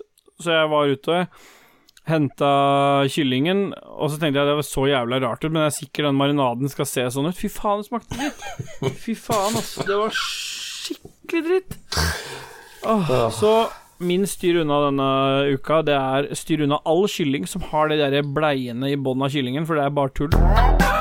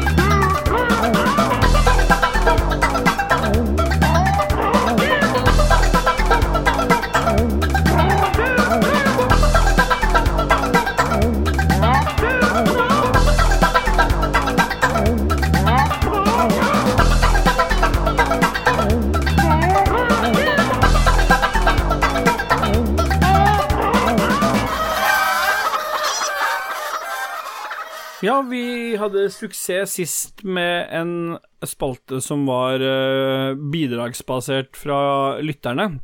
Og vi ville jo ikke ha noen temaer, eller vi ville jo ikke ha noe sånt, vi ville egentlig bare ha noen gode spørsmål som vi kan svare klokt på. Og denne gangen så har du vært ute og spurt eh, om lytterne har noen spørsmål, og det har de hatt denne gangen også. De fikk ti minutter på seg, og det har de brukt flittig. Hva, hva, hva har de spurt om, Dajis? Nei, vi, vi kan jo plukke ut øh, noen Ja. her. Uh, per Anders Fosslund spør hva er deres favorittøl til The Jizz. Og da har jeg ikke, har jeg ikke bare DA lenger, nå er THA-JIZZ. The Jizz, og det liker jeg. Og stål, stålballe. Og hvorfor er det helt sikkert ikke korona og Tuborg med limecut? Okay. Men hvor, det første jeg vil si da, hvorfor får jeg stålballe når jeg åpenbart prono, eh, proklamerte Steel Ja, så det er det første jeg vil adressere. Men hva var det han lurte på til meg? At uh, Hvorfor? Nei, bare hva er favor favorittølen? Min er Heineken. Og hvorfor er det ikke korona og Tuborg med limecut? Nei, altså For det første så er det Heineken, for den er litt mer smak i enn um, en koronaen. Uh, og Tuborg med lime er uh, drikkbar i én av gangen, fordi det smaker jo drit i lengden. Det er bedre å ha en øl uten lime og putte ordentlig lime oppi. Nei, alt det tull er ikke liksom bare det der å putte lime i folk. Nei, nå skal jeg korona med lime i, for det er så digg. Jeg var ikke limen bare for å skremme bort fluer. Det er ikke det at de gjør ølen Nei, nei. diggere. Da kunne du faen meg bare lagd sitronbrus og helt litt øl oppi. Ja. Faen, jævla taper, ass. Nei, jeg tror favorittølen min må være noe fra Trillium. Ja. Noe dial, dialed in eller uh, et eller annet sånt. Noe skikkelig humlejus, noe skikkelig eh, Av norske ting så er det veldig Så åpenbart så er jeg den folkelige, og du den litt sære. Ja, alt fra Sallikat, eh, tåke fra Ego brygghus når det fortsatt levde. Jeg tror kanskje du får tak i noen tåke nå. Den smaken før det blir slutt. Et eller annet med masse humle i. Pumpe på med humle. Hva sa du? Pumpe? Og det er ikke Pumpe ah, ja. på med humle. Ja. Du vil høre det etterpå. Og det er ikke Og det er ikke korona, og det er ikke Tuborg med limecut. For det er dritt. Ja. Nei, men det hørtes ut som Ja. fasit. Det er veldig deilig å ha, ha deg med som fasit, uh, fordi Ja. da, da kan vi konkludere med det. Uh, har, har de spurt om noe annet, eller? Uh, ja, Stian A. Mm. Skjerven. Eh, Sex, Mary Kill. Jon Arne, John Arne Riise, Jan Thomas og Charter-Svein. Jeg kan få Kill, det er eh, Jon Arne Riise. Glatt. Seks, eh, det er eh, Dag Thomas. Jan Thomas. Og Mary er uh, Charter-Svein. Bare Vet du, hva, jeg tenker, jeg tenker akkurat det samme. John Arne Riise må bare bort med en gang. ikke sant? Bare, Så han kunne vi killa utenom denne konkurransen her. ja, Det kapitlet der er liksom bare Det er Mm. ferdig. Jan Thomas, og så tenker jeg at ok, hvis jeg først må ha sex med en gutt, og jeg kan velge mellom tre gutter, så er det jo Jan Thomas man velger. Han har jo tydeligvis Ja, greie ja, på dette. Ja, han var sur for dette avtalen. Ja, det stemmer. Den fletta mi hadde vært så liten etterpå, den, at det hjelper. Ja, nei, jeg tror han hadde blåst uh, livet i den skrotten her. Og Charter-Svein er en jovial fyr, kunne tenkt meg å ha vært Mm. gift med. Sånn for reals, liksom. Uh, ja. Ja, vi, jeg tror vi tenker veldig likt. det var Ja, altfor det var for lett. lett, ja. J- ja, Ja, det var for lett. det ble for lett. Du må ta en ny en neste gang, Skjermen, det og med litt mer vanskelig, fordi Jon Arne Riise vet vi alle må dø. Eh, Og, og Dag Thomas vet vi alle må knulles, og Chartersveien vet vi Ja. alle må giftes bort. Så er det Espen Bråtnes, da. Hvilken krem er best mot revning? Er det denne? Og det er sylokain 5% Lindring av hemoroider og smertefulle rifter i endetarmen. Ja. Salven påfyres i et tynt lag. Er det den som Ja, er best av det? akkurat der kan jeg jo uttale meg litt. Grann. Eh, Eller får den noe steroid som er Nå hardere tar enn jo den der? spørsmålet utgangspunkt i at vi snakker om en eller annen seksualrevning, da. Ikke sant? En eller annen Ja. eh, vaginal eller rektal revning. Ehm, og da tenker jeg at xylokain er jo en sånn bedøvelsessalve. Så helt åpenbart en salve som ofte var blanda inn i hemoroidekremer tidligere. Så du tok f.eks. Alcosanal med xylokain, så, så fikk du litt sånn bedøvende middel rundt de verste smertene. Så, så ja, det er vel en av de bedre, mens nå får du den uh, som egen salve, da, så da vil jeg jo anta at det er en ganske god salve mot revning. Ellers så vil jeg jo anbefale å ta det rolig, sånn at det ikke revner. Men får du den i høyere konsentrasjon enn 5 kan du f.eks. få xylokain 96 uh, ja, hvis du bare blander sammen nok. Jeg tenker at du f.eks. bare kan ha et sånt Si at du har et sånt lite smykke med sånn bitte lite rom i, som du har Mm. rundt halsen. Istedenfor å ha med seg en svær tube, så kan du bare dabbe Dabbe fingeren bitte lite grann på den, bare ta en liten Ja. flekk, for du har 96 Ja. konsentrasjon. Og bare ta den så vidt i rumpehåra. Ja, altså sånn sett så kan man jo liksom være snill mot kona si før han hadde sex også, så late som du spytter på fingeren, men du bare har dratt innom det smykket. Ja. Har du noen andre spørsmål, eller? Jeg tror vi har dekka det meste der. Det er flere spørsmål der, men uh, ja. ja. Still gode spørsmål. Hver eneste uke. Få de ut, til oss, så skal vi svare på de så godt vi kan. Men jeg lurer på om vi driter i musikk imellom her, for det var, eh, vi har fått svart på noen spørsmål, så kan vi gå mm. egentlig rett videre til en uh, for vi nærmer oss jo slutten nå, Dudgies. Vi gjør det. Denne gangen så vil vi jo Nå er det jo uten Christian, så det er nytt, men vi vil alltid prøve å være litt sånn nyskapende hele tiden. Så denne gangen så har vi prøvd oss på noe, en helt ny spalte som uh, du har kalt 'Er det egentlig så dårlig?' Ja. Uh, og her skal vi ta for oss uh, spill som kanskje har fått ganske hard medfart. Da. Men så vi tenker Er det egentlig så ille? Er de spillene mm. så dårlige? Og jeg regner med at det går musikk som vi alle kjenner igjen fra dette spillet i bakgrunnen ja, det gjør nok det, Christian. Uh, det er i hvert fall spillmusikk jeg setter veldig stor pris på. Og spillet som alle hører nå, selvfølgelig, er jo Anthem. Uh, jeg vet at du har spilt mye, jeg har spilt mm. veldig mye. Og vi kan jo ta for oss litt av kritikken som kom mot det spillet der. Ja. Og si hva vi mener om det, så kanskje folk kan gi det en sjanse til, da. Ja, jeg syns jo folk burde gi det en sjanse til. Jeg har jo tatt opp litt nå i det siste Jeg har jo spilt en god del før også, men jeg har jo tatt opp nå i, i forbindelse med også den spalten her, for å liksom gå litt dypere i dybden på Er det egentlig så dårlig? Uh, ja. og, og, jeg har egentlig overraskende nok kost meg ganske mye den perioden. Men så har det jo vært liksom Men som du sier, det har jo vært sagt noen ting og vært en del kritiske uh, Stilt en del kritiske uh, spørsmål, eller vært en del kritikk mot spillet. Og en av de tingene er jo at noen spillere har rapportert at konsollen, eh, konsollen de spiller, spiller, på, rett og slett ikke virker mm. Eh, etter uh, de har spilt Anthem, og at system krasjer. Noe som skrur av konsollen. Ja, ja, så får de ikke på boksen igjen. Det har vært en sånn vært ganske mange som har nevnt det som en sånn Som en avgjørende ting for ikke spille spillet, og det, det sliter jo jeg litt med å forstå, fordi Altså, Sannsynligheten for at det er et stort problem, er jo ikke til stede. Men selv om det er 50-60% så er jo i forhold til norsk øh, forbrukerkjøpslov, så er jo det garantibasert uansett. Så det burde jo ikke være en begrensning for å spille et, et spill som potensielt kan være øh, sjukt kult, da. Nei, ikke bare det. Men ok, si at du spiller Anthem, da du har spilt i syv timer, krasjer, hele dritten mm. er mm. Men Hurra, du har en Xbox One S. Ikke sant? Du kan bare levere den. Du har noe skvip, du har det billigste skvipet du får tak i, One S. Du kan bare levere den, og så Den her er ødelagt, den ja. er ny. Men kan jeg betale et mellomlegg for å få den beste? For det er ingen som vil ha den, den dårlige boksen. ikke sant? Og det er folk som syns det var jævlig irriterende, for de hadde spilt dette skikkelig lenge. Folk hadde grinda det i hundrevis av timer og liksom sånn endelig fått de, akkurat det utstyret ja. de ville ha. Men så legger de plutselig merke til at Fuck, jeg tar ut av banken den starting-gunneren min, den første ja. gunneren. Den er bedre enn den råeste legendaren du får tak i. Den er mer skade, den er mer treffsikker, den er rett og slett bare bedre. Det er en ultimate gun, liksom? Og, ja, og folk ble jo helt klikka helt, for de har egentlig, mens de har spilt spillet, så har de bare downgrada våpenet sitt hele tida og bare fått til slutt, da, etter å ha spilt i 300 timer, så har du det dårligste våpenet du kan ha, mens det første våpenet du hadde, det var ja. det beste. Og folk er så jævlig sure på det. Jeg tenker at fy faen, så jævlig befriende og deilig. Du kan starte spillet, du har det beste våpenet mm. du begynner med. Det er akkurat som du har den ultimate legendaryen, artifactet du bare løper rundt med og slakter absolutt mm. alt. Du trenger ikke å bry deg om noen ting annet. Og det er deilig å tenke på at ja, du har spilt spillet i 400 timer. Kompisen din har spilt i 7 timer. Han skal være med deg og raide. Knuser deg på DPS-en. For det gir kanskje en mestringsfølelse, selv om du ikke har spilt spillet så lenge. At du liksom gjør mer skade på bosser, da. Så det syns jeg er fint, akkurat den delen. Ja, jeg også tenker at det liksom jeg, jeg, ser jo på en måte at man Hvis man vil finne feil, så finner man jo feil, ikke sant, med alle spill. Mm.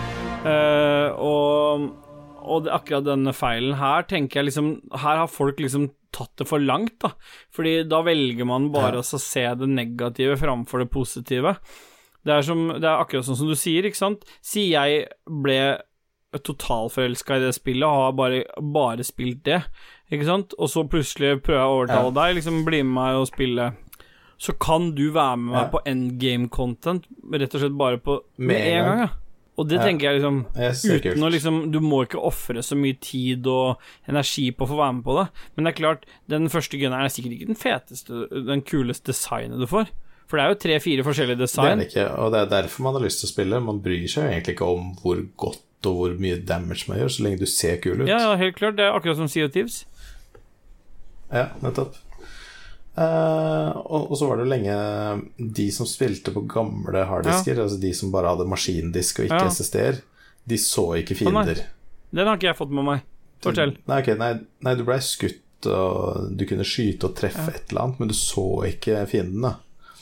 Det som skjedde, er at de bruker en sånn streamingteknologi som er ganske high-tech i Anthem. Liksom. Det er jævlig bra progge, akkurat den streamingteknologien, men det krever sitt av hardwaren. Så uheldigvis så hadde jo liksom 40% av spillerne litt treige harddisker og kunne ikke se fienden. Men teamplayet som kom ut av det, var utrolig bra. For jeg husker jeg var inne og spilte, og jeg var i en gruppe med to andre da, som ikke kunne se fienden. Og da kunne jeg liksom si Ok, 300 310 grader. Eh, det er en ny en rett vest for deg. Nei, du, du står oppå den, du må passe deg, for nå Ja. dør du. Ikke sant? Du kan si så mange sine sånne audible cues da, og styre de. Så for meg så ble det mer et strategispill.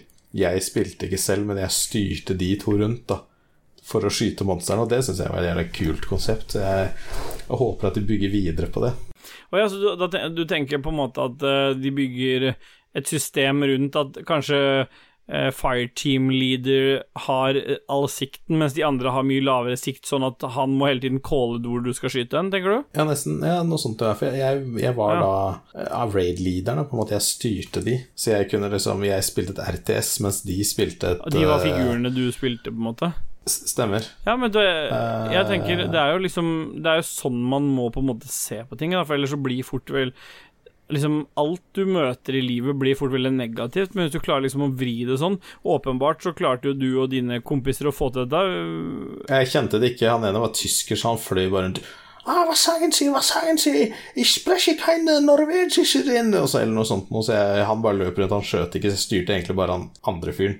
Ja, fordi han øh, Du spilte jo en del sammen med han øh, Lars Rikard også, han fra Lolbua.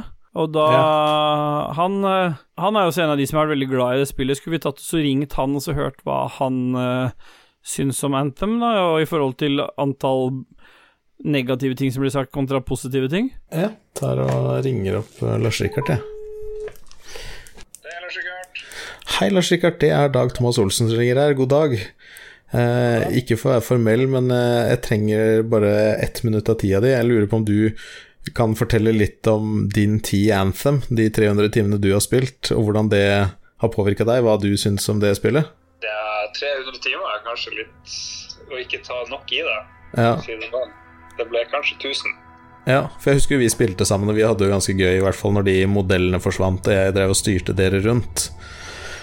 Ja. Men så syns jo liksom jeg og Sola snakka litt om nå at vi bare syns at det er litt mye hat mot det spillet, da. Fordi det var veldig mange fine ting der òg, så kan du kanskje bare prøve å tenke på én ting som du syns var virkelig bra, og en grunn til å anbefale det, at folk prøver spillet? Uh, jeg syns den der eh, basen du begynner i starten der, kanskje var best. Beklager. Det var noe Jeg er helt enig, jeg er helt enig i det, for det mest. Mesteparten av tida blir jo brukt i den basen, for det er jo der du åpner kistene dine og får all lutet ditt, ikke sant? Så all de lute som Ja, selv om det kanskje ikke er like bra som startgunneren, så ser det i hvert fall kulere ut. Ja. Jeg syns jo for få spill har plass hvor du kan bruke mye tid.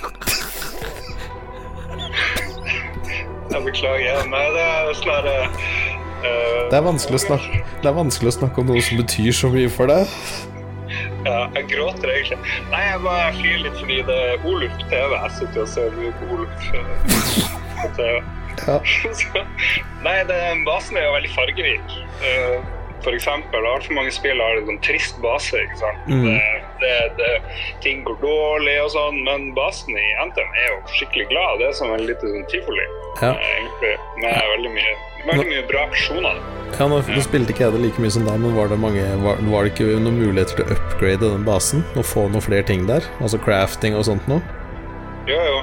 Hvis du, det feilen mange har gjort, det er å ikke spille det lenge nok. Fordi Ja. etter hvert så kan du oppgradere ganske kraftig Ja. eh, basen. Du får eget hus, du kan innrede. Mm. Hvis du tenker på Skyrim, så er det, det er ingenting. Eh, Skyrim så kunne du putte inn masse ost og bøker og sånt. Du fant men i hva det heter, Anthem, så, så kan du putte minner. Minner og tanker og sånne ting. Mm. Uh, Så det er litt, for, litt, mer, litt mer voksen publikum, da, på en måte? Ja, jeg vil si det vil Det burde vært som 40 års aldersgrense, for det er kun vi over 40 som, som kan sette pris på alle, alle de gode tingene. Så. Ja, og det, det er vel kanskje derfor mye av fanbasen fra The Sims 4 har gått over til å spille Anthem nå, at det er de som spiller det spillet nå, da, for det meste. Ja. Ja, Jo. Jeg spilte mye Sims 4, så kutta jeg det helt ut da Anthem kom. ja. Ja. Det er bra. Men takk for de orda, Lars Rikard. ja Kjempebra. Jeg mer på Oluf. Ja. Så da må alle bare følge med på Spillrevyen og Lolbua og for å få mer content på Anthem, da, for det kommer til å ta opp det i tre episoder framover. Ja, minst, Ja. minst tre episoder. Ja, Ja. Kjempebra. Tusen takk, Lars Rikard, og for en fin kveld videre. ja, takk, Dag Thomas Olsen. Kjempebra. Ha det. Ha det. Det er så deilig når folk Når vi liksom treffer på de nye tinga vi skal gjøre, og liksom finner de der riktige folka. Og Lars er jo en veldig sånn Han er en bra fyr. Vi, vi ga dem jo litt hat, Lolbua, i, i første episode, så ga vi dem mye hat. Men Ja. uh, jeg syns det er ufortjent når jeg hører liksom hvordan han har omfavna hele det, det spillet som har fått så mye hat, tross alt. Ja, for det forholdet der har jo grodd litt, fordi vi fant jo ut at vi spilte jo det samme spillet og var glad i Anthem, alle sammen. Og det lega på en måte alle sår, da. Så ja, det er noe vakkert i sånne Men nå som du har fått spilt det litt grann i det siste, er det, noe, er det noe du velger å fortsette med, eller holde ved like Nå som du har den beste gunneren fra start òg, tenker jeg? Ja, nei, vi skal faktisk uh, raide i morgen, vi. Uh, jeg og Lars, i hvert fall. Så det har vært hyggelig om flere har lyst til å joine oss på Anthem hvis dere er max level og har eh, gjort alle upgrades i basen. Sånn at dere kan legge tanker og minner inne i husene og eh, feste de over senga og i stua.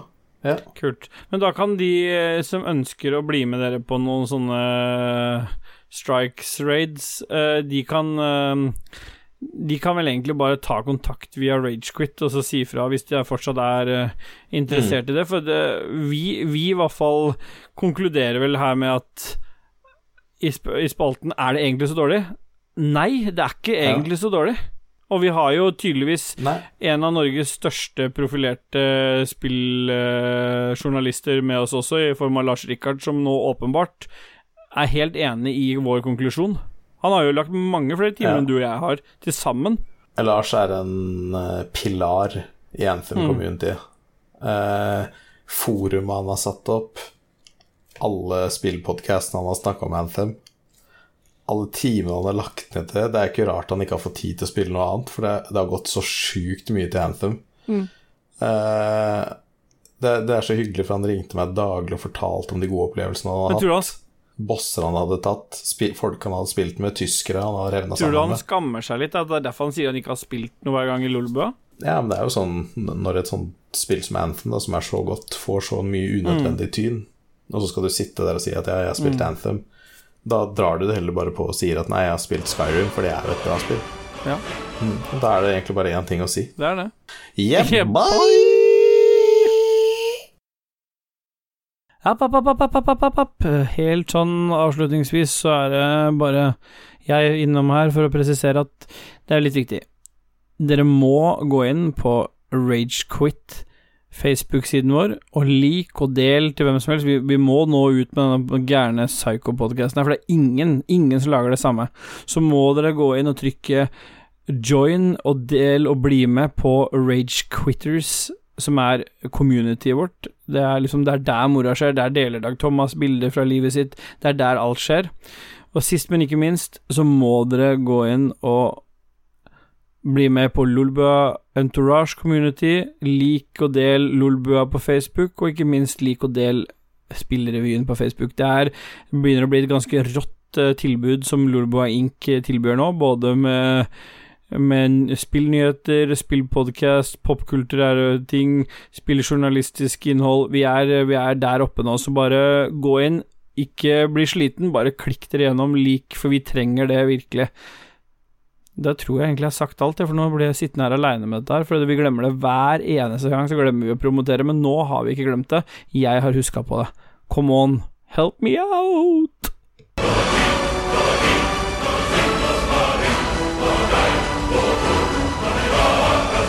Hej, det er meg, Lars Rikard Spor fra Danmark. Jeg skal lese opp hvilken musik der brukes i denne podcast. Første musikk var Control Z Spy vs. Spy. Andre musikk var Lucas med Gianna Sisters. Og tredje musikk var Slumgood med Smiling Reggae. Uh, fjerde musikk var Richard Bramwhite med Last Ninja 2. Og så var det Mahoney, Rambo and the Bamboo on Impossible Mission. Og nest sist så er det Fuglehass med Cybernode 2-theme. Og sist, men ikke minst, var Scarecrow med Funky Chicken Stuff. Takk skal du ha. Måtte du spise lange rå pølser med masse ketchup i all evighet. Har du et enkeltpersonforetak eller en liten bedrift? Da er du sikkert lei av å høre meg snakke om hvor enkelt det er med kvitteringer og bilag i fiken, så vi gir oss her, vi. Fordi vi liker enkelt. Fiken superenkelt regnskap.